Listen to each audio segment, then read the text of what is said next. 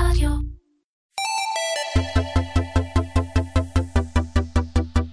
Commersation, מדברים על e-commerce עם תימור גורדון. והפעם עם גליה תורן חן, יועצת אסטרטגית לתחום הביוטי ומגישת טלוויזיה. שלום גליה תורן חן. שלום תימור גורדון. כבוד הוא לי שהגעת לפה, ואני חייב להתחיל בשאלה כזאת שמדגדגת לכל מי שעושה e-commerce ומתלבט בנושא התוכן. איך אפשר לדעת מהו התוכן הכי מתאים לבנייה וניהול קהילה בעולמות של e-commerce? אוקיי, אז הדבר הראשון שצריך לעשות זה להתחבר בחזרה לערכים שלנו. מילה שלא מספיק מדברים עליה, ובהקשר של תוכן היא קריטית. כי אם אני אצטט גדולים וטובים ממני, שיש לי הכבוד לעבוד איתם, איב רושה הצרפתי, אחד ממותגי הקוסמטיקה הטבעית הגדולים בעולם, אמר, מותג שאין לו ערכים, אין לו זכות קיום. ואתר איקום הוא קודם כל מותג. יש לו שפה משלו, יש סביבו אנשים, ואנחנו כותבים, מדברים ויוצרים עבור אנשים, ולכן החיבור הראשון זה מה שאני קוראת אפיון ערכים. מאיזו נקודת יציאה אנחנו יוצאים לעולם, מה הערכים שאנחנו רוצים לתת באתר שלנו ולקהילה שלנו, ומשם עושים אפיון תוכן. וואו, אני חושב שנתת את, כאילו ממש התחלה של משהו, ולדעתי השאלה הבאה שיצטרכו לשאול את עצמם בעלי החנויות, הם מה הערכים שלי, אבל עוד נגיע לזה בטח בהמשך השיחה. אה, היום אנחנו הולכים לדבר על שתי תימות מרכזיות בעשייה הענפה שלך. אה, מקומו של התוכן בעולם ה e-commerce, כמו שכבר שמעתם מהשאלה הראשונה, אבל הנושא השני שבעיניי הוא, הוא לא פחות ואולי אפילו יותר חשוב, העוצמה הנשית ב commerce וב retail. אני מעביר את זה כאן בפודקאסט שלי, אני חושב שאני אדבר על זה ואני גם אציג את זה. שואף שכמה שיותר אה, נשים חזקות מנהלות commerce, דואג להגיד שכדי לנהל commerce טוב צריך להיות אישה, כי זה מורכב מדי בשביל גברים. אני חייבת לתת לך פה מחמאה ולומר... Okay. א', תודה על התמיכה, זה לא מובן מאליו שמנהלים ומובילי דרך כמוך שהם אה, לא, אולי לא חווים מה זה להיות אישה בעולם, תומכים כל כך בעשייה הנשית. טוב, אל תביכי אותי, אני גם ככה מובך. אני מאוד אוהבת, תסמיק, תסמיק, לא רואים. תודה, תודה, תודה. אה, אבל לפני זה אני רוצה קצת לספר לאותם שניים שלושה מאזינים שלא יודעים מי זאת גליה תורן חן, קצת עלייך. אז את אה, אכן יועצת אסטרטגית לתחום הביוטי. עם התמחות בקמעונאות אונליין ופיזית. את מגישה תוכנית הטלוויזיה מיליון היופי ברשת 13, מה כבר כמעט? תשע שנים. תשע שנים, וואו. את סופרת, גם לזה נגיע. מחברת ספרי מנהיגות נשית, עורכת תוכן וכותבת למגזינים, תוכניות רדיו ופודקאסטים לאתרים ולרשתות מובילות, כמו כמה מותגים קטנים אה, שיום אחד אולי יצליחו, קיקו מילאנו, אה, בי של שופרסל, גילטי כמובן, מיכל היקרה. אה, אתרי קבוצת אסטי לאודר, ירין שחף ועוד ועוד רבים וטובים. אלטמן, חברים שלנו. לגמרי, עינת אם את שומעת. ובואו נתחיל לחפור לך קצת על תוכן ואחר כך נגיע לעוצמה נשית, לאט נצבור כוח. ברור. עד שנגיע לנשים. אז ככה. כמו שאמרת בהתחלה, לבנות ולנהל תוכן זה ממש לא עניין פשוט, אפשר לפספס פה, מה זה בגדול? זאת אומרת, אפילו אנשים שאולי אוהבים את המוצרים שלנו, אם נפספס בפניית תוכן, הם, הם יעריכו פחות את מה שיש לנו לתת להם ברמת הערך המסחרי, אני מתכוון. אה, וזה דורש הרבה מאוד מחשבה והרבה עקביות, ובטח בעולמות צרכנות, ששם נכנס גם רגש. וברגש אני מתאכזב, לשמוח לוקח הרבה זמן, להתאכזב אני יכול בשנייה. אני חייב להגיד שנתחיל ממיכל וגילטי, כי זה נקודת החיבור שלנו, אתם עושות שם עבודה מופלא, ומעניין אותי באמת, אז נתת קודם את איזשהו סוג של קצה חוט של להבין מהערכים שלי, אבל איך, אחרי שהבנתי מהערכים שלי, איך אני עכשיו בונה קהילת תוכן? אז גם פה אני חייבת לומר שמבחינתי state of mind, אה, זה הדבר הראשוני שצריך לעשות לפני שיוצאים לפעולות. כי הרבה אנשים רצים, במיוחד בישראל, לבצע, לפני שהם סגורים על ה-state of mind. אז אם אני רוצה לתת את הטיפ המרכזי של איך מתחילים, נקודת היציאה שלי תהיה, זה שהעיסוק המרכזי של כולנו, בטח באי-קומרס, שהוא מושתת על פסיכולוגיה. אני עצמי בוגרת לימודי פסיכולוגיה באוניברסיטת תל אביב, כך התחלתי את דרכי. אני מרגיש בטיפול קצת, רק שתדעי. בטיפול, אוקיי. אנחנו נמכור את הפורמט, כמו אוקיי. שכבר אה, עשו. כן. אז נקודת היציאה שלי, שכשאני עושה אי-קום, אני עושה פסיכולוגיה. הרי אנשים קונים מוצרים ושירותים על מנת להרגיש. אני צריך להבין מה הלקוח שלי רוצה להרגיש. גם כשאני מפתחת מוצר, אני חושבת כך, ובוודאי ובוודאי כשאני מפתחת תוכן עבור e-com, או עבור קמעונאות retail, אה, מה שנקרא offline. ולכן, ברגע שאני מדברת על איך מתחילים, ה e-com הוא הפסיכולוגיה, אבל התוכן הוא הטיפול הרגשי. ולכן, כשאני בונה תוכן, מאיפה להתחיל? מהשאלה איזה רגש אתה רוצה לעורר באותם קוראים, מאזינים, צופים, אה, קניינים, אנשים שמשוטטים ומטיילים באתר שלך, איזה רגשות אתה רוצה שהם ירגישו, ואז מתחילים תמיד, אנשים נורא נורא נלחצים מהנושא של תוכן, כי הוא אמורפי. מה שיפה בתוכן שעושים לאיקום, הוא דווקא מדיד. זאת אומרת, אתה יכול כל הזמן לתקן תוך כדי תנועה, אתה רואה מה עבד יותר, מה עבד פחות. תוכן פותר בעיות עבד לך יותר, תדבוק בזה. אחרי כמה חודשים הוא מפסיק לעבוד, אתה הולך לדבר הבא. אז דווקא כאן אני רוצה להרגיע ולהגיד שמתחילים כולם באפס עוקבים ובאפס לקוחות. וההצלחות הגדולות ביותר בתחום, הזכרת את גילטי, מיכל ואני התחלנו לפני שמונה ומשהו שנים, עמדנו באמת מול כלום ושום דבר, הקמנו מודל שנקרא affiliates, הראשונים בישראל שעבדנו עם משפיעניות ביוטי, כאשר היינו כנגד כל הסיכויים. כולם אמרו לנו, לא, מה פתאום, זה לא יעבוד, פה זה לא ארצות הברית. שמונה שנים אחרי, התחלנו מאפס, הגענו לאן שהגענו. תגידי, שזה מדהים, אבל עוסקת בעיקר בביוטי, וקהלים, אני לא אגיד דומים, לא זהים כמובן. את חושבת שאותה מתודולוגיה של חיבור בין תוכן והמדידות שלו, זאת אומרת, הדאטה, עבודה על דאטה הנלווית, יכולה לעבוד גם בתחומים אחרים? קודם כל בוודאות כן, כי אני, לשמחתי, נכון, ההתמחות הגדולה שלי זה ביוטי, ואני מאוד מאוד נישה בהיבט הזה, עדיין אני עושה גם וולנס. וויטמינים, ומלונות לפעמים, כשזה קשור לנשים, או ללייפסטייל. ואני יכולה לומר לך בוודאות כן, בתחקיר המאוד רציני שאתה עושה, אגב, הזכרת לדוגמה את עולמות היין. עולמות היין מבחינתי זה הכי עולם של רגש. אני אפילו הרבה פעמים בכתיבה שלי ובתכנים שלי משווה בושם ליין. מדהים. כי תהליך הריבוד של הניחוחות של הבשמים ותהליך ייצור היין או הקוניאק הוא דומה, כמעט זהה. זאת אומרת, אם אני עכשיו צריכה לנהל תוכן לקהילת יין, אני הכי יודעת שאני אעשה את זה מאוד דומה לביוטי, ואביא לשם ערכים שיעוררו רגש באנשים שהם קנייני היין שלי. אוקיי, אז, אז יפה, אז זו שיטה שכנראה עובד, כמובן צריך לבחון כל פעם לגופו. את הקהל. כמו שאמרת, גם on the go, מה מצליח לי, מה פחות מצליח לי. ואני רוצה לקחת את זה רגע לקצה, אמ, כי סימנו פה לא פעם, ועכשיו אנחנו, הנה, סוף סוף אומרים שהתוכן, אין e-commerce בלי תוכן, וזאת השאלה, אם באמת אפשר להצליח ב-e-commerce בלי תוכן? אני חושבת שלא, כי התוכן הוא הדבר הראשון, הוא נקודת הבידול. זאת אומרת, מה ההבדל בין אתרים שמוכרים ביוטי, או יין, או מכוניות, או whatever, מיקסרים למטבח? יש אין ספור. אתה לא יכול לנצח בגזרת המחיר הרי. אין לזה סוף. אף אחד לא מנצח בגזרה הזו של המבצעים וההטבות וההנחות. אנשים מנצחים ביכולת לגרום לאנשים שייכות. ושייכות זה על ידי תמה משותפת, על ידי שפה, על ידי תוכן. ולא סתם אומרים תוכן הוא המלכה. תוכן היא המלכה. היא המלכה. תגיד, יש כבר אה, מקצוע כזה, אנשי תוכן לאי-קומרס? או שזה שאלה ממש... טובה, אני מאוד מאוד התלבטתי כשקראתי את זה. האמת שבארץ אנחנו מאוד קטנים באופן יחסי, אז זה עדיין לא מובהק. אני יודעת שבארצות הברית כן כבר יש, אבל אני באמת חושבת שמאחר ורשתות חברתיות, היום אנחנו עושים מה שנקרא social commerce. ה social commerce זה לא שאני יכולה להפריד את מנהל המדיה הדיגיטלית שלי ממנהל התוכן של ה e-com שלי. זה חייב לעבוד ביחד. לא בהכרח זה יהיה אותו אדם, אבל ההלימה בין מרכיבי המסר האלה חייבת להיות מאוד מאוד גבוהה. ולכן בעיניי אין כל כך הבדל בין מנהל תוכן של מדיות דיגיטליות או של e-com, צריך להיות עם אותה חשיבה, עם אותו ראש, עם אותה מתודולוגיה. ולהקשיב.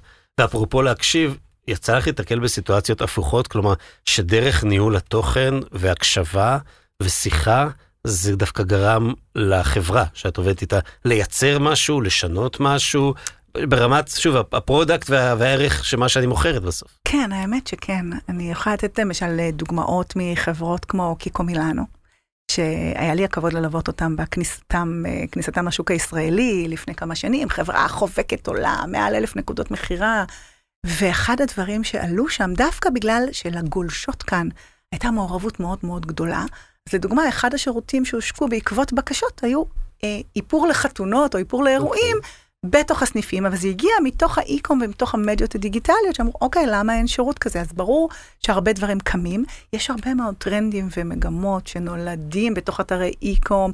לדוגמה, כתוצאה מזה שאנחנו מצלמים למשל סרט הדגמה שילווה מוצר כדי, לח, מה שנקרא, לשפר את המכירות, ופתאום מבינים שאנשים רוצים ספוגית שהיא כבר לחה, שהלחות כבר בפנים, ומפה יוצאים לייצור של מוצר. מדהים. אז זה קורה הרבה... זה, זה גם, כאילו כבר, התוכן כבר נהיה חלק מ-R&D. מה-research and development של החברה. בדיוק, גם מה-R&D וגם מתמהיל המכירות. זאת אומרת, התוכן הוא מנהל מכירות, כי ברגע שאנחנו מוכרים דרך משפיעניות, משפיעניות מייצרות תוכן על מנת למכור, התוכן הזה הופך להיות חלק אורגני מהאתר, אני מטמיעה אותו באתר, מטמיעה אותו כחלק מהקהילה שלי, וזה מין היזון חוזר שבו אתה הרבה פעמים לא יודע איפה הגבולות. זה מה שנורא נורא יפה בעיניי. אני רוצה לקחת את זה עוד שלב, את הנושא של התוכן והאחריות שלנו כלפי תוכן. נתת דוגמה נהדרת איך זה פוגש את המסחר, אבל גם במקומות אחרים ובשיחות המקדימות, צריך להגיד שגם את ראיינת אותי. כן, למגזין של גילטי. לגמרי, איזה... התרגשתי כמו ילד, כי לא ראיינו אותי כבר איזה 200 שנה. הדבר הכי מרגש שקיבלתי כן. הודעה ממך שאהבת את הכתיבה. דייקתי אותך. כאילו, כאילו לא, לא יודע איך זה קרה פתאום, נכון, נכון. אז uh, גם הרגשתי טוב גם מה שהיה, אפילו שלחתי להורים שלי. וואו, אבא ואמא, אבא ואמא, אתם נכון, מאזינים נכון. לכל פרק? לא. שלי ממש כן. כן, טוב, את מדברת על דברים קצת יותר נוחים להאזנה, אבל רגע. דיברנו קצת ברמה, אני נזהר מלהגיד פילוסופית, בוא נקרא לזה היסטורית של עולם התוכן בעידן הדיגיטלי. ופעם היה מוציא לאור, היה מו"ל, הוא היה מלך, מה שהוא פרסם לפני עשרות, מאות, אלפי שנים, מה שמישהו כתב היה קדוש, לא רוצה להיכנס לתנ"ך, אחרי אפילו, וזה כנראה היה, הייתה אמת אחת שבעל המאה שיכל לממן את כתיבת התוכן, הוא זה ששלט בתודעה, בסדר?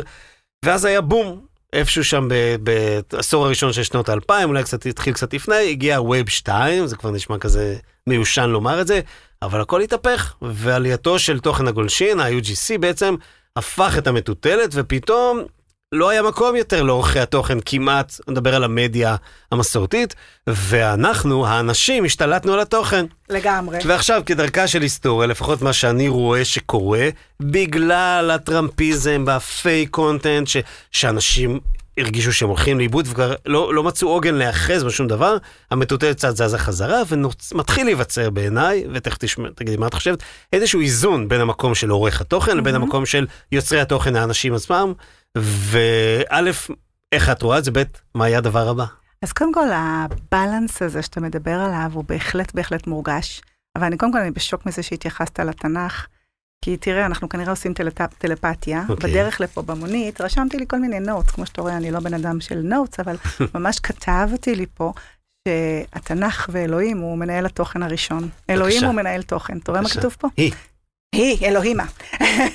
כן, העברית מאלצת אותנו כל הזמן לבחור, נכון. תכף נגיע גם לזה, אבל אני בהחלט חושבת, א', שמנהל תוכן חכם עושה שימוש בתוכן של הגולשים שלו, הוא מעודד את הקהילה שלו לייצר תכנים, לאו דווקא תכנים אה, טריוויאליים שהוא מכוון אליהם. אנחנו לא רואים עדר, אנחנו לא החלילן מהמלין, אנחנו רוצים לייצר דיון.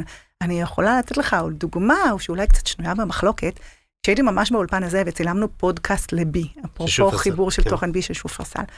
אז אני החלטתי, למרות שזה היה פודקאסט של מנהיגות נשית, שבא לכוון ובעיקר לקדם מוצרים שהם קשורים לנשים, ואת האג'נדה החברתית mm-hmm. המובהקת של הרשת של נשים צריכות לקבל את מה שנקרא את הפרונט ואת החזית בנקודות השפעה. בכל זאת החלטתי, כעורכת של המיזם הזה, להביא את נועם חורב, שהוא לא אישה, וקיבלנו הרבה רפש ברשתות החברתיות. באמת?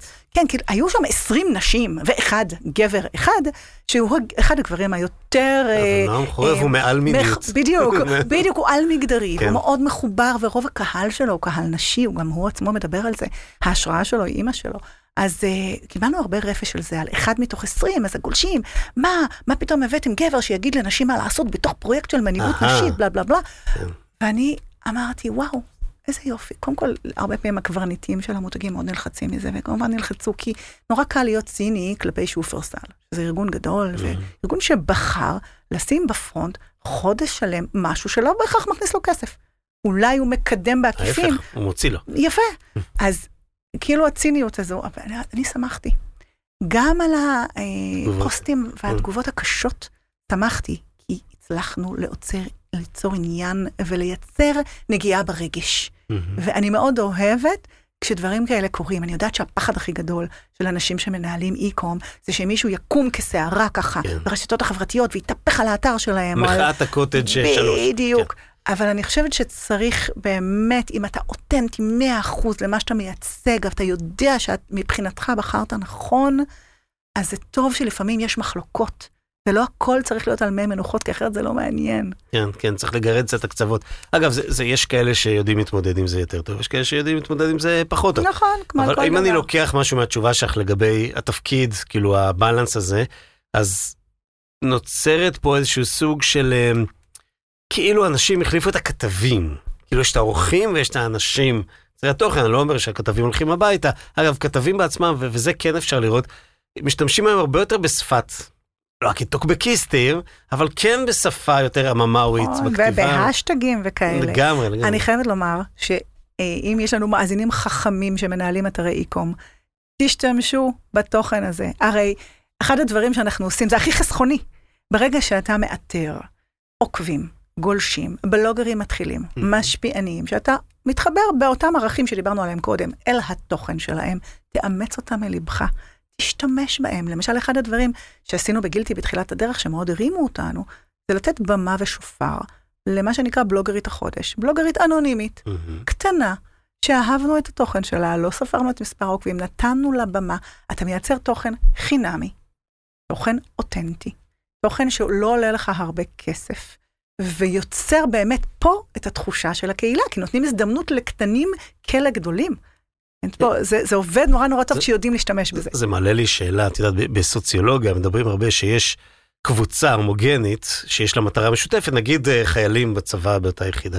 ויש מישהו שלא חשוב כמה הוא מוחשב הכל, אבל הוא מסיט את הקבוצה מהמקום שלה, הוא מפריע, אז עם כל הכבוד, גם קבוצת ספורט. אפילו אם זה הכוכב, מעיפים אותו. מסלקים. יופי. וש... ופה זה קצת אחרת, זאת אומרת, בא פה מישהו ודווקא מכניס קונפליקט לתוכן, את לא מסלקת אותו. זאת אומרת, אני לא מדבר על שיימינג, שיימינג אני מניח שתדעי איך להרדים אותו. ברור, ברור. אבל ההפך, זאת אומרת, הוא, הוא, הוא פרובלמטי, ההפך, בוא נהפוך את זה למסיבה, בוא נהפוך את זה לחלק מהשיח. כי בוא, בעולם התקשורת ויחסי הציבור, ובו אני בעברי הייתי מנהלת תקשורת שיווקית בקבוצת שסטוביץ', אני אוקיי. גדלתי שם, הייתי מנהלת הדרכה, תקשורת שיווקית, מנהלת מותגים, אז אני מכירה את העולם הזה מקרוב.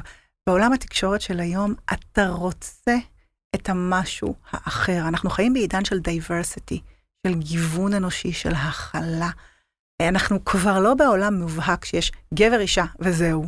יש מנעד שלם שם בחוץ. ואם אתה לא תיתן ביטוי לצבעוניות ולמנעד, לא תהיה זכות קיום לאתר שלך. אתה לא יכול להשתיק את זה, אנחנו לא בפשיזם, נכון? מדהים. מקווה. עכשיו, נגעת במילה אתר, אני תמיד אוהב לתפוס קצה כזה ול- ולמשוך ממנו עוד קצת אה, צמר. הרי התוכן של האי-קומרס לא נגמר באתר, ברור. נכון? יש לנו עוד מדיות שם, אמצעי מדיה, ברבים יש לומר, ערוצי תקשורת אחרים, מחוץ לדיגיטל, איפה את רואה את החיבורים היום? אוקיי, אז פה למשל הספר זה דוגמה מאוד מאוד טובה. וכשאת אומרת הספר, את מתכוונת ל... ספר שיוצאת מן הכלל. יוצאת מן הכלל. הוא היה הפרויקט המרכזי שלנו, למשל, בגילטי ליום האישה 2021. עכשיו, אפרופו חיבור של מדיות. איזה עיצוב יפה. תודה רבה. אז אה, ספר זה הדבר כאילו הכי ישן שיש, הת- המצאת הדפוס, גוטנברג, נכון? נכון. ואנחנו מדברים על אי-קום, על עולם דיגיטלי. אז כמובן שבתוך הספר יש גם וידאוים, יש QR קודים לוידאוים, אוקיי. כדי לתת את הטוויסט היצירתי הזה ואת החיבור לעולם הדיגיטלי ולאתר. אבל החלטנו שמה שאנחנו עושים זה מחברים זירות, והפרויקט המרכזי יהיה ספר מנהיגות נשית. הוא נמכר בכל מקום שהוא גם מה שנקרא עולם ישן. מהמם. סטימצקי, צומת, גם באתרי אונליין שלהם, גם בריטייל, הקמעונאות, באתר עברית כספר דיגיטלי, כמובן אצלנו בגילטי. והספר הזה חיבר את הקהילה שלנו דרך מקום אחר לגמרי, פל- פתאום כולן קוראות את אותו ספר.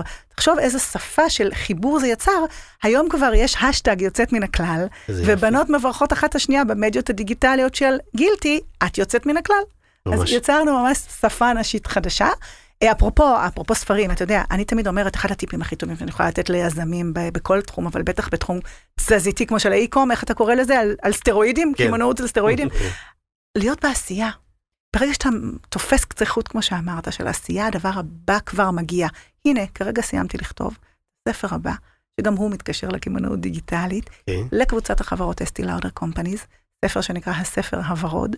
הוא יצא Mm. לאור רק במהדורה דיגיטלית במקרה הזה, לחודש המודעות לסרטן השד שהוא באוקטובר. יקבל ביטוי בכל אתרי האי-קום של קבוצת החברות אה, אסטי. לאודר קומפניז. זה קליניק, מק, גם מתרגמים לאנגלית, אה, עדיין לא, אבל אני כן. מאוד מקווה שזה בסוף מה שיקרה. צרפתית. ולכן, אה, מה שאני אומרת, אתה מתחיל, אתה לא יודע איפה זה נגמר, כי דווקא היום הנושא הזה של הקאמבק והרטרו של הספרים, אנשים, במיוחד אחרי השנתיים האחרונות, שהיו מטלטלות רגשית, מחפשים עוד יותר את החיבורים הערכיים והרגשיים, ולא לפחד, כאילו, לכאורה, מה קשור ספר לאתר אי-קום? קשור. הנה, קשור, קשור, הכל קשור. עשית חיבור מאוד יפה. אה, תכף נעשה את הקישור לתמה השנייה של השיחה שלנו, ממש דרך ה... מתוך הראייה, הפרספקטיבה המאוד מיוחדת של מנהלת תוכן, אה, אחרי שהסברת איך את מחברת אי-קומרס לכימות פיזית, ו- ובאמת, אני ארצה ללכת באמת לעולמות של, ה- של העוצמה הנשית והמנהיגות הנשית שיש לנו בריטל בישראל, שאת פוגשת אותה. אבל רגע לפני, יש לנו פינה נחמדה. אה, עם רם מ-Adscale. Adscale זה אה, מערכת לקידום אה, מכירות באתרי e-commerce, מן הסתם שמעת עליהם, ומתי ייתן לנו טיפ חדש על אה, קידום מכירות לחנויות e-commerce. הטיפ של מתי רם מ Adscale, מערכת הפרסום המובילה לחנויות e-commerce. טוב, אז speaking of שיווק, תמיד אנחנו uh, מעלים עכשיו את הפינה של מתי רם מ-Adscale. הפעם יש לנו הפתעה. נמצאת איתנו אביטל קליין מקונים בו. שלום אביטל, מה לך ול-Adscale? נעים מאוד. אז קונים בו היא החברה המובילה בישראל להקמת חנויות באינטרנט. יש לנו למעלה מ-1,500 חנויות באוויר ו-11 שנות ניסיון בעולם ה e-commerce בישראל. אוקיי. מתוך החזון שלנו לעשות הכל כדי שהלקוחות שלנו יצליחו, אנחנו יצרנו לפני שנתיים מהלך שיצר רשת שותפים מומחים בשם קונים בו פרטנרס פלוס. קונים בו פרטנרס פלוס מייצרת ופורסת עבור הלקוחות שלנו בקונים בו רשת של שותפים טכנולוגיים מומחים שפעילותם ומומחיותם היא מעולמות ה e-commerce ומנגישה אותם באמצעות תוספים לחנות. המהלך הזה הוא ערך נוסף ענק של קונים בו ללקוחות שלה, כיוון שהיא בעצם משכפלת את ההטמעות של חלק מהלקוחות המצליחים שלנו, ומנגישה אותם לעסקים קטנים ובינוניים, שלעולם לא היו מכירים את אותן טכנולוגיות וכלים מגדילי מכירות ללא המעטפת של קונים בו. השותף הראשון שהשקנו תחת קונים בו פרטנרס פלוס הוא Adscale. אהה, הנה, הנה התשובה. הנה, הנה Adscale. Adscale היא השותף הטבעי של קונים בו, כיוון שכולנו יודעים שחנות וירטואלית מנצנצת ונוצצת ככל שתהיה, לא תעבוד אם לא יהיה שיווק, לא תהיה תנועה לחנות. אני תמיד אה, מקבילה את זה לחנות במדבר יהודה. אם אה, נקים שם חנות עם chandeliers ונצנצים, אף אחד לא ייכנס אליה. היא תצליח? לא. אז אותו דבר חנות באינטרנט, היא חייבת תנועה של גולשים, ופה Adscale נכנסה אה, לתמונה כשותף אה, בהחלט טבעי ורלוונטי. אנחנו ראינו ושמענו מלקוחות שהם אה, מצליחים עם Adscale. ניתן לכם אה, דוגמה, לקוח שלנו אה, אה, מרשת אה, טוליפ איטלי, העיד כי הוא עבר עשרה מקדמים מאז שהקים את האתר והוא לא היה מרוצה. בעקבות ההמלצה של צוות הצלחת הלקוח בקונים בו, הוא החליט לנסות את Adscale וראה שינוי משמעותי במכירות ובאופן מיידי. מטורף. Uh, עבור אסף היתרונות של Adscale הם למשל הרובוט שרץ וסורק את האתר ויודע מה הביא למכירות ומה לא, הוא משנה את הפרסום באופן אוטומטי, הוא יכול להיות בראש שקט, המערכת עובדת והמכירות גדלות. עוד לקוח שלנו שסיפר לנו על המערכת של Adscale הוא אה, דן, דן משמחות, אה, חנות אה, אונליין מובילה למוצרי יהדות ותוכן יהודי. הוא סיפר לנו שמאז שהוא, מאז שהמלצנו לו לעבוד עם Adscale, הוא רואה גידול במכירות. הוא רואה גם מכירות בשעות שהוא לא הכיר לפני. הזמנות נכנסות ב- בכל שעות היום והלילה, ומבחינתו זה יתרון גדול ש Adscale יודעים לפזר את התקציב נכון, זה עושה לו ראש שקט. אז אחרי ששמענו בעצם עדויות של לקוחות וראינו שהמערכת של Adscale מביאה לשיפור במכירות ובביצועים, יצאנו עם וובינר משותף ופרסומים משותפים ואנחנו המלצנו ללקוחות שלנו לעשות את השילוב הזה.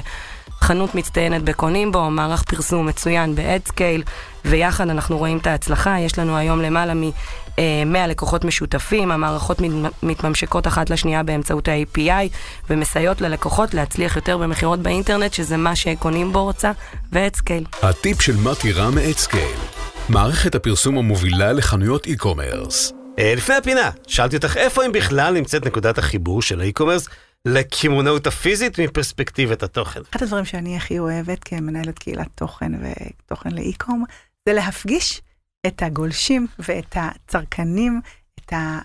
אותו מועדון הלקוחות, שכולנו עמלים כל כך קשה כדי לשמר אותו, להפגיש אותם מדי פעם גם מפגשים פיזיים, שהם גם מפגשי תוכן, הם בראש ובראשונה מפגשי תוכן, אבל גם מפגשים של מכירות. לדוגמה, אני יכולה לספר לך שלפני, בשנתיים האחרונות עשינו כמה וכמה אירועים כאלה עם גילטי. אחד היה, הבאנו לארץ את המאפרת של ביונסה. וואו. ביחד עם מותג שהוא מותג קווין מאוד בי חזק. בשביל. אה, בדיוק. אז אה, קוראים לה פרנצ'סקה טולוטי, איטלקיה, ובעצם הבאנו 500 נשים מתוך קהילה, הקהילה הכי נאמנה שלנו, מועדון הלקוחות הנאמן והפגשנו אותם פיזית בגני התערוכה. הם קיבלו תוכן עשיר וואו. ביחד עם המאפרת של ביונסה. היו שם גם מכירות של השקה של רצינו לעשות. שנה אחר כך חגגנו את יום האישה הבינלאומי על הבמה בשדרות, אני יודעת שמיכל דיברה על זה בנתיבות, סליחה, לא בשדרות. אה, היה לנו גם התלבטות שדרות, נתיבות, בסוף הלכנו לנתיבות. עשינו שם אירוע יום האישה הבינלאומי לקהילה שחיבר, כולם קיבלו שם קופסאות של גילטי. זאת אומרת, יש ערך לחיבור. א', אתה צריך לדבר את אותה שפה. להרבה מאוד מותגים שמאזינים לנו עכשיו, יש גם קמעונאות אונליין וגם offline. ורובם מנהלים אותה לצערי בנתק. יש את מנהל האתר ויש את המנהל רשת, המנהל המכירות בדרך כלל מה שנקרא, והם לא מדברים באותה שפה. לפעמים אתה תיכנס לחנות ותרצה לקנות משהו, והמוכרת בחנות בכלל לא יודעת מה קורה באתר, Mm. אם יש שם הנחות או אין שם הנחות, היא בכלל לא הייתה בפייסבוק או באינסטגרם של המותג שאותו היא משרתת, עובדת איתו. ולכן אחד הדברים הכי חשובים, זה אם אתם עושים גם וגם, תדעו לחבר את זה. ואם... את- את, את מעלה לי משהו מעניין, כי אחד הדברים ש, שאנחנו רואים, יש אינסוף מחקרים, זה מתחיל מארצות הברית, אבל גם בישראל, של מותגים שהם פיור e-commerce, מהמם. שכשהם פותחים את הנקודות מכירה הפיזיות, הפופ-אפים או חנויות כן. קטנות, ארעיות כאלה ואחרות, אה, זה ישר נותן לגיטימציה ובום במכירות של האונליין. ואת הוספת פה עוד משהו, אם אתם כבר בוח... עושים איזשהו אירוע פופ-אפי של מכירות, תעטפו אותו בתוכן, חייב. ואז זה יעצים אותו הרבה מעבר, כי בסוף, הרי אם אנחנו ניתפס על הלגיטימציה, גם אם מישהי לא קנתה או מישהו לא קנה שם, מהמם. הוא עכשיו מבין אתכם בצורה אחרת, הוא רואה אתכם באור חדש. איזו שאלה, גם אל תשכחו שאנשים לא אוהבים שמוכרים להם, הם אוהבים להרגיש שייכים. זה הסיפור. וואו. ואז הם קונים. אף אחד לא מוכר לי, זה אני קונה. בדיוק. כזה. יופי, אז אנחנו עכשיו הגענו סוף סוף על המקום של נשים, אה, לדבר על מקומן של נשים מקום הקמעונאות אה, בכלל, וגם כמובילות וגם כמנהיגות, כי זה העיקר. בואי ספרי לי קצת ממי שמאוד חיה את זה, זה היום-יום שלך. את פוגשת את אותן אה, מנהיגות שלצערי חלק מהן נשארו קצת אנונימיות, אין פה יותר מדי אה, פרגון אה, בתקשורת הממ- הממסדית. אני לא אגיד שלא, כי יש שינוי, אנחנו רואים יותר ויותר, גם, לא אם להגיד, אבל גם שינוי הממשלה הביא קצת ל... יש ליותר... תשע שרות, זה שיא. נכון, לא, גם את רואה, פתאום יותר לגיטימי לדבר וכולי. חייב להגיד שישראל היא מדינה שוביניסטית בטירוף, ובטח בכל המוסדות הפורמליים Tell שלה, me about it, ויש את צה"ל, שלא לומר. אולי זה מתחיל משם, את נכון, יודעת? תרבות מאוד מאוד אבל, אבל צבאית. כן, יותר ויותר, ועדיין לא. ספרי לי קצת על דברים שאת בהן רואה, את העוצמה הנשית. קודם כל. החיבור שלי למנהיגות נשית, ואני מקפידה לומר מנהיגות או עוצמה, לא העצמה, אני לא פסיבית, לא צריכה שיעצימו אותי, אם יעצימו אותי עוד קצת, אני אפוצץ לך פה את האולפן נראה לי, אז זה ממש לא צריכה שיעצימו אותי. החיבור שלי מתחיל מזה שאם אתה בודק את המספרים, יש לך רק חמישה אחוזים מנכ"ליות, מבין כל מי שמוביל את המשק, ורק עשרה אחוז מנהיגות בבינלאומי שהן ראשות ממשלה, וכבר ראינו מי עשה עבודה טובה בקורונה, נכון? ניו זילנד. פינלנד, אה, כתבתי עליהם בספר גם באמת, סאנה כן. מרין, ג'סינדה ארדרן, ואני דווקא בעולמות שלי, שלכאורה הם העולמות הכי נשיים של ה beauty, מצאתי את עצמי לאורך 32 שנות קריירה, יושבת רוב הזמן בישיבות הנהלה עם מנכ"לים וסמנכ"לים גברים, שמחליטים בסוף את ההחלטות הכי נשיות. איזה מסקרה אתה תשים, כן, או זה הזוי. איזה בושם כאילו, איך- אתה יכול להתיימר להבין את זה? הגוון של השפתון, ובטופ של הטופ יושבים גברים. מפה הפמיניזם שלי הלך והתחזק, אני גדלתי בבית פמיניסטי, אז תמיד הייתי פמיניסטית. כשאני אומרת פמיניסטית זה חלילה לא שונאת גברים ולא איזה בוצ'ה שלא מתאפרת. פמיניסטי אבל ברפת. ברפת, גדלתי ברפת, אוקיי. חלבתי פרות בין גיל 14 ל-18, גדלתי בבן שמן, בכפר נוער בן שמן, אפרופו ערכים וכאלה, אבל בסופו של דבר, זה הרגיש לי פרדוקס בלתי נתפס. והסיפור הזה של נשים שהן 51 אחוזים מאוכלוסיית העולם, אבל תופסות רק 5 אחוזים מעמדות הניהול בחברות, זה בלתי נתפס בעיניי. עכשיו, אני, אנחנו לא בקטע של להאשים גברים, ממש לא. המצב הוא, הוא סיטואציה נוחה למרבית הגברים. אנחנו בעניין... באמת? כן. אוקיי. כי אחרת לא היינו משמרים את זה כנראה. תחשוב כמה שנים גברים מנהלים את העולם. בסדר, זה הכוח הוא אצלם, אז הם משמרים את זה. בוודאי. אז האינטרס. לשנות, הוא לא. יבוא מגברים. פה אנחנו צריכות להבין את זה ולהיכנס לתמונה. ישבתי בשולחנות עם אנשים שאתה מכיר מהתעשייה. אני לא אכפיש את שמם, אבל שנאמרו בהם משפטים כמו, בחיים לא פגשתי אישה יותר חכמה מגבר.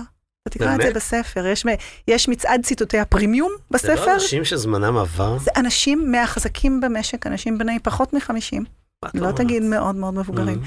שמנהלים פה כמה מאתרי קמעונות, אני אגיד לך אחר כך בסוד, אני פשוט okay. אוקיי. באמת לא כשנסגור את המיקרופון. לא בענייני הכפשות, אבל אני מביאה את זה כדוגמה. וישבו רק נשים סביב השולחן הזה, וכולן שתקו. וזה היה רגע של הערה בשבילי, באלף. כי אמרתי, גלי, עכשיו או שאת סותמת, הבן אדם שילם לי, תבין, עשרות אלפי שקלים לחודש על ייעוץ, ועדיין אמר לי משפט כמו, ליועצת שלו, לא פגשתי אישה יותר חכמה מגבר. אמרתי, גלי, עכשיו זה להיות או לחדול. Mm. אם את לא אומרת משהו, איזה דוגמה את נותנת לאלה שיושבות סביבך בשולחן? אז אמרתי לו מה שאמרתי, תקרא בספר, ו... ומשם הכל היסטוריה. הפכתי באמת, להק... מה שנקרא, להקדיש את מיטב זמני לנושא של מנהיגות נשית. ואיפה באמת היום את רואה נשים ש... שלא מפחדות מאותם אה, אנשים אה, חשוכים וכן מובילות? אז באמת יש, יש שינוי מגמה, למרות שכן, אני חייבת לומר שהקורונה לקחה אותנו אחורה, כי ברוב משקי הבית שהיה צריך להכריע מי נשאר בבית לטפל בילדים, ברוב Mm. המקרים אלה היו נשים. אנחנו קצת חווים התאוששות עכשיו במספרים ובמצב, אבל אני כן חושבת שצריך להוציא נשים מהמקומות המסורתיים, ולא לתת להם לעשות רק את מה שבעבר היה נחשב נשי. עכשיו, אם מסתכלים על עולמות האי-קום, זה באמת דוגמה מאוד טובה, כי פה דווקא יש ביטוי נורא יפה לנשים באופן יחסי למקצועות אחרים, של הנדסה, של הייטק, של טכנולוגיה. מכיוון, א', שנשים, דיברנו שזה פסיכולוגיה, אז אם זה Mhm. פסיכולוגיה, נשים מאוד טובות בתקשורת ופסיכולוגיה, אז עוזר להם להצליח, ומעבר לזה, אני חושבת שיש משהו באי-קומרס, שהוא יכול להתאים גם לעסקים קטנים, ונשים בדרך כלל הם הבעלים, אם אתה בודק את הסטטיסטיקה, בבעלותן עסקים קטנים או בינוניים, פחות עסקים גדולים. אז זה נורא מתאים להתמחות בדבר הזה היום, כל קוסמטיקאית, או כל ספרית, או כל אה, סופרת או יוצרת תוכן, יכולה להקים אתר משלה די בקלות. מה שבעבר אי, אי, אי אפשר היה לעשות, ולכן אני שמחה שדווקא תחום האי-קום הוא זה שנותן יותר מקום. נכון, לסגור. פה, לסגור פה מעגל, זה, זה, זה כל המיזם ששרון מרק באשדוד עושה אישה, נכון. הוא בדיוק סביב העצמאיות האלה, שהנה יש להם הזדמנות לא להיות תלויה באף אחד, לעמוד על הרגליים, להביא את עצמה ולפתוח עסק עצמאי משלה, בדיוק. וזה, ו, וזה נהדר. זאת שליחות שלנו ביחד. יש משהו שזה מצחיק לדבר לידך על אה, מולטי טאלנטיות, כי, כי זה נראה לי לקחת את זה קצת רחוק מדי, קצת רחוק שאני מכיר. רחוק מדי, יפה אמרת, כן, יש בזה משהו. אוקיי. אחד הרחוקים. כן, אנחנו עושים איזון כל הזמן, אנחנו, אנחנו כאילו באופן לא מודע לפעמים. אבל כן, זה נושא שהוא קונפליקט קבוע בעבודה, אני חושב, בטח שלנו, של בריטל וקומרס. אני בתור בן אדם או בתור אישה, אה, וואי, זה לא נשמע טוב. האם אני, הבנתי מה את מתכוונת. הבנתי. אצלי זה נשמע בסדר, אולי. אבל האם אני בוחרת להתפתח, או בוחר להתפתח לכיוון של הכי טוב בדבר אחד, פוקוס על משהו שאני הכי טוב בו, אני אהיה מנהל הדאטה הכי טוב בעולם, אני אהיה מנהל הפרסום הדיגיטלי הכי טוב, אני אהיה מנהל הלוגיסטיקה הכי טוב בעולם, או ההפך, העולם החדש, זה נשמע מהטון שלי כאילו יש לי עמדה, אבל עדיין אין לי עמדה, דווקא לא צריך להיות 100 בהכל, בוא, בוא, לא צריך להיות ב-100 בדבר אחד, בוא נהיה 90 או 85 בהכל, קצת כמו טייסים. אני טוב מאוד בהכל. אז האם מולטי טאלנט לעומת התפתחות אישית מאוד מפוקסת?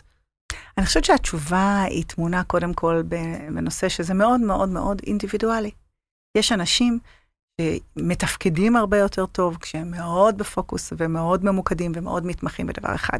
אני באופן אישי, אם אתה שואל אותי, אני מאנשי הגם וגם, אנשי האשכולות. מבחינתי אני קוראת ביוגרפיות של אנשים שעשו, מליאונרדו דה וינצ'י, שהוא דוגמה מאוד מאוד טובה לזה. תחשוב שמה, לא, אולי לא היה לנו טנק, אם הוא לא היה, אם הוא היה רק צייר, והוא לא היה חושב על מטוסים וטנקים גם בזמנו החופשי. זה ליאונרדו דה וינצ'י או ליאונרדו דה קפריו? אהבתי, אהבתי. זה- הוא השראה להיווצרו של הליאונרדו החדש. כן. אז לגמרי שם, ומבחינתי, אני בן אדם שצריך את הריגוש של הגם וגם. אני צריכה לגעת בכל הדברים, אבל שים לב שזה לא באמת פיזור, כי יש איזושהי מעטפת שעוטפת את כל העשייה שלי, היא קשורה לעיצוב, לייפסטייל, אסתטיקה ולאנשים, עם דגש על נשים ונשיות, ומהי נשיות מודרנית ומהי מנהיגות נשית. אז יש עטיפה, אבל בתוך העטיפה אני רוצה לגעת בהכל, בטלוויזיה, ברדיו, בפודקאסט, בכתיבת תוכן, בייעוץ, באסטרטגיה, ופה זה מביא אותי לטיפ מאוד חשוב ליזמים ויזמות בעולם, עולמות האי-קומרס. גם אם אתם מתמחים במשהו אחד, דעו לעשות הכל, את כל השרשרת, משלב הליקוט וההקמה של האתר והקמת פריטים וכל העבודה השחורה, ועד לשיווק ולגלם ולגליץ, כדי שתדעו גם מה לבקש. לא בהכרח תעשו הכל בעצמכם, אבל תדעו על מה לשים דגש ומה לבקש מאנשי המקצוע שלכם. זאת אומרת, להתחבר מהמקום שלי, מה שהכי נוח לי, אבל לדעת לה- להרחיב אותו, מכ- את כל המעגל. בעיניי זו חובה. דרך שמסביב. נהדר.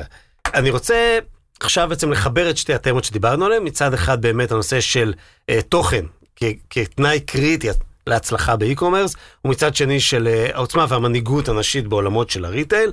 ואולי דרך איזשהו מכנה משותף, איזשהו חוט מקשר שהוא היצירתיות, הקריאטיביות.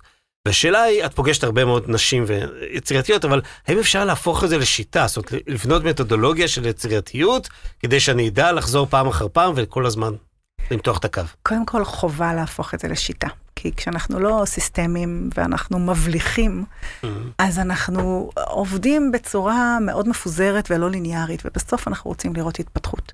התפתחות מדידה, התפתחות לאורך שנים, גם ברמת הסיפוק האישי וגם ברמת הסיפוק המקצועי והתוצאות. בואו, בסוף אנחנו כולנו לשם כסף. שלום, כן, אנחנו כאן כדי לייצר איזושהי יצרנות שיש לה גם ערך כלכלי. ולכן השיטות מתחילות משיטות אינדיבידואליות שכל אחד יכול לעשות עם עצמו בבית. למשל, אני יכולה טיפ מאוד גדול, אני חוקרת את נושא היצירתיות. לך פה פרק שלם בספר, פרק 7 של תרגילי יצירתיות. אז אחד התרגילים שאני הכי אוהבת זה לפתור בעיות בלילה תוך כדי שאתה ישן. מסתבר, אתה יכול לנצל את השתי דקות שאתה מצחצח שיניים בלילה, ולהעלות בפני המוח שלך אתגר. נגיד שיש לך בעיה עם חברת המשלוחים, מה שיש לכולנו, למי אין, ואתה הולך לישון מוטרד, מעלה את השאלה הזו בפני תימור. בזמן צחצוח השיניים זה זמן קריטי, כי המוח שלנו נקי באותו רגע, והוא הולך לישון לאבד לחלום.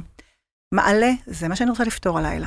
אתה תקום בבוקר, במרבית המקרים, עם תשובה. אני עושה את זה כמעט כל ערב. ממש ככה.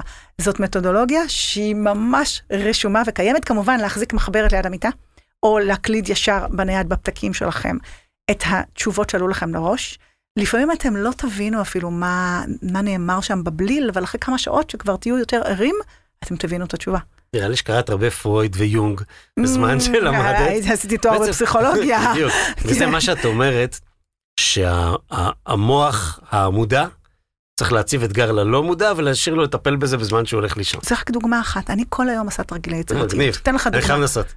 בוא, תנסה. אה, אני לא כל כך. ישן בלילה, אבל כשאני ישן בטח זה... אפילו אם אתה ישן ארבע שעות, אגב, ארבע אוקיי. שעות ומעלה זה קריטי, כי אז אתה נכנס לשנת חלום. שנת REM, Rapid Eye Movements, והשינה הזו היא קריטית לפתרון בעיות ולחלימה, כי אם אתה לא מגיע לשם, יהיה לך קשה לפתור את הדברים. ותן לזה, אם אין, זה לא קורה בלילה הראשון, אז בלילה הבא. אני יכולה להגיד לך שהיום השתמשתי בזה, קמתי בבוקר עם תשובה, הייתה לי הרצאה היום בבוקר.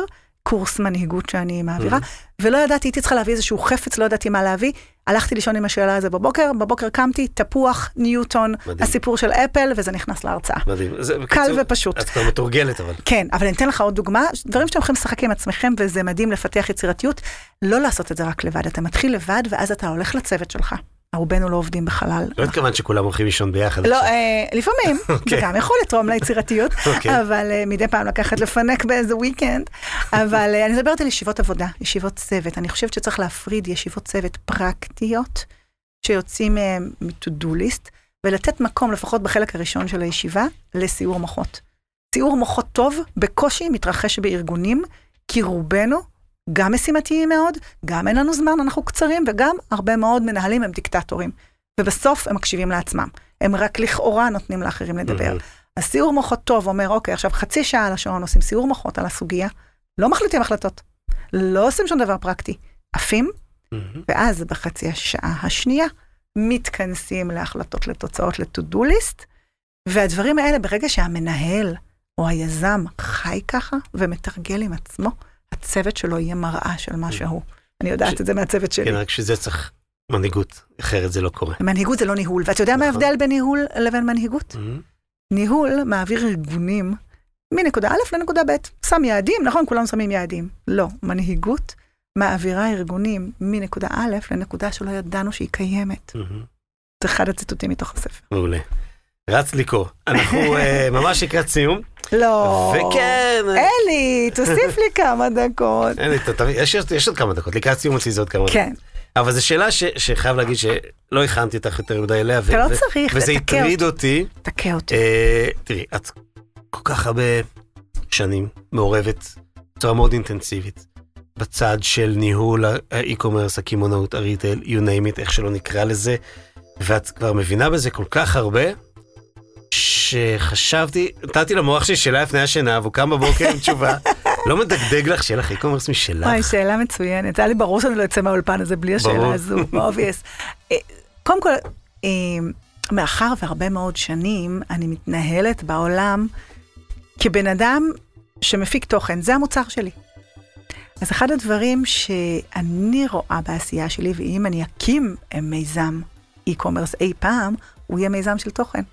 כי מה שאני מוכרת, במרכאות, זה מילים, זה תכנים, אלה הרגשות, זה לא יהיה מוצר פיזי.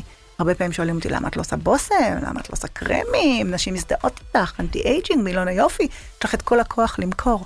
התשובה היא, קודם כל, אני יוצאת מאיפה שהתשוקה שלי, וזאת לא mm. התשוקה שלי. יש כל כך הרבה מוצרים טובים, המוצר שאני רוצה לתת לעולם זה מילים, תוכן, השראות, הרגשה טובה והגשמה בעיקר. אז יכול להיות שזה יהיה אתר של קורסים, של. סדנאות, לא דברים שהם פיזיים בהכרח, אלא אתר של חוויות, ודברים שהם קשורים ל...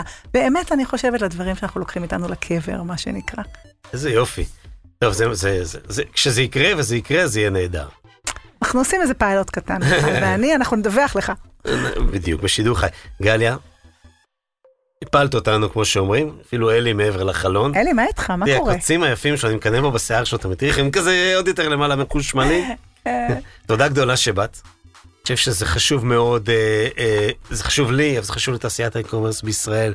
זה חשוב לאותן בנות ויזמיות שרק מתחילות, וגם לאותם אלה שמנהלות ארגונים וכבר הגיעו לשלב שזה, שזה קשה וזה שוחק וצריך איזושהי תנופה קדימה.